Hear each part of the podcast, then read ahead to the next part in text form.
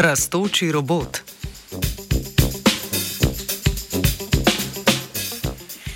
Dobro jutro. Italijansko-francoska skupina raziskovalcev in raziskovalk je razvila robota, ki raste tako, da se njegov trup sproti tiska in pleza proti svetlobi, kot to počnejo rastline plezalke.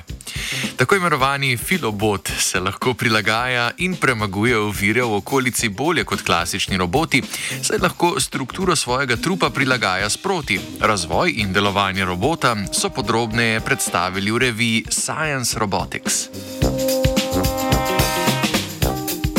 Rastline ne rastejo v naključno smer.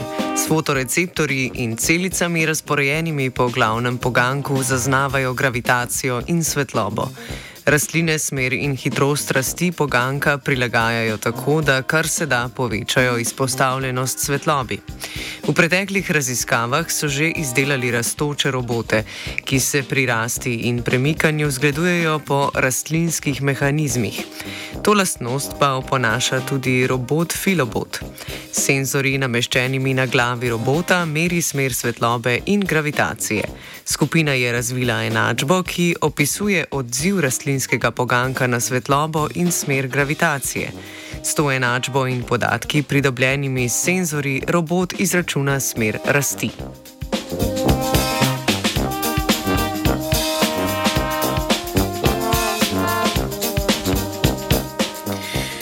Stebla že razvitih robotov niso bila dovolj močna, da bi lahko sama sebi nudila oporo, mehanizem rasti pa ne dovolj dodelan, da bi se lahko trdno ovil okoli opor.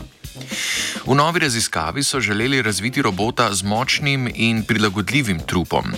Ta bi robotu omogočil, da zraste tudi v prazen prostor in tako denimo preide z ene veje na drugo.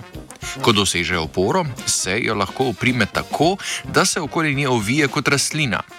Kako pa lahko robot raste? Glava robota ni zgolj senzor, temveč tudi 3D tiskalnik, ki pod seboj sproti tiska telo iz PLA plastike. Telo sproti raste, glava se premika naprej, sproti natisnjeno telo pa glavi nudi oporo.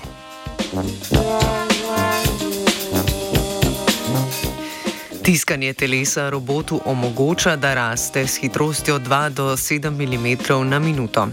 Robotska glava lahko rast trupa prilagaja s temperaturo in hitrostjo tlaka, eh, tiska. Pardon. S prilagajanjem teh dveh parametrov oponaša rast poganka rastline plezalke.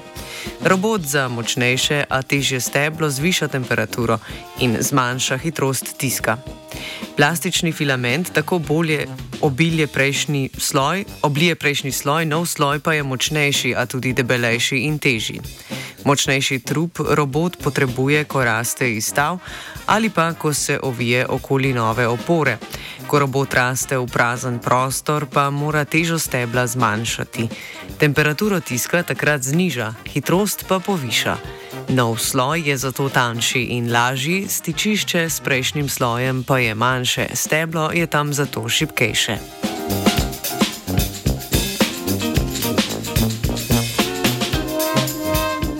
V nepredvidljivi okolici, kjer robotom ne moremo vnaprej začrtati želene poti, si lahko po mnenju skupine pomagamo z roboti, kot je danes predstavljeni filobot.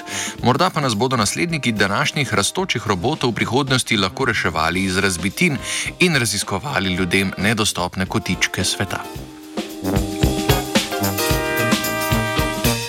Kot rastlina plezalka sta plezala filobot in vajenec Leon.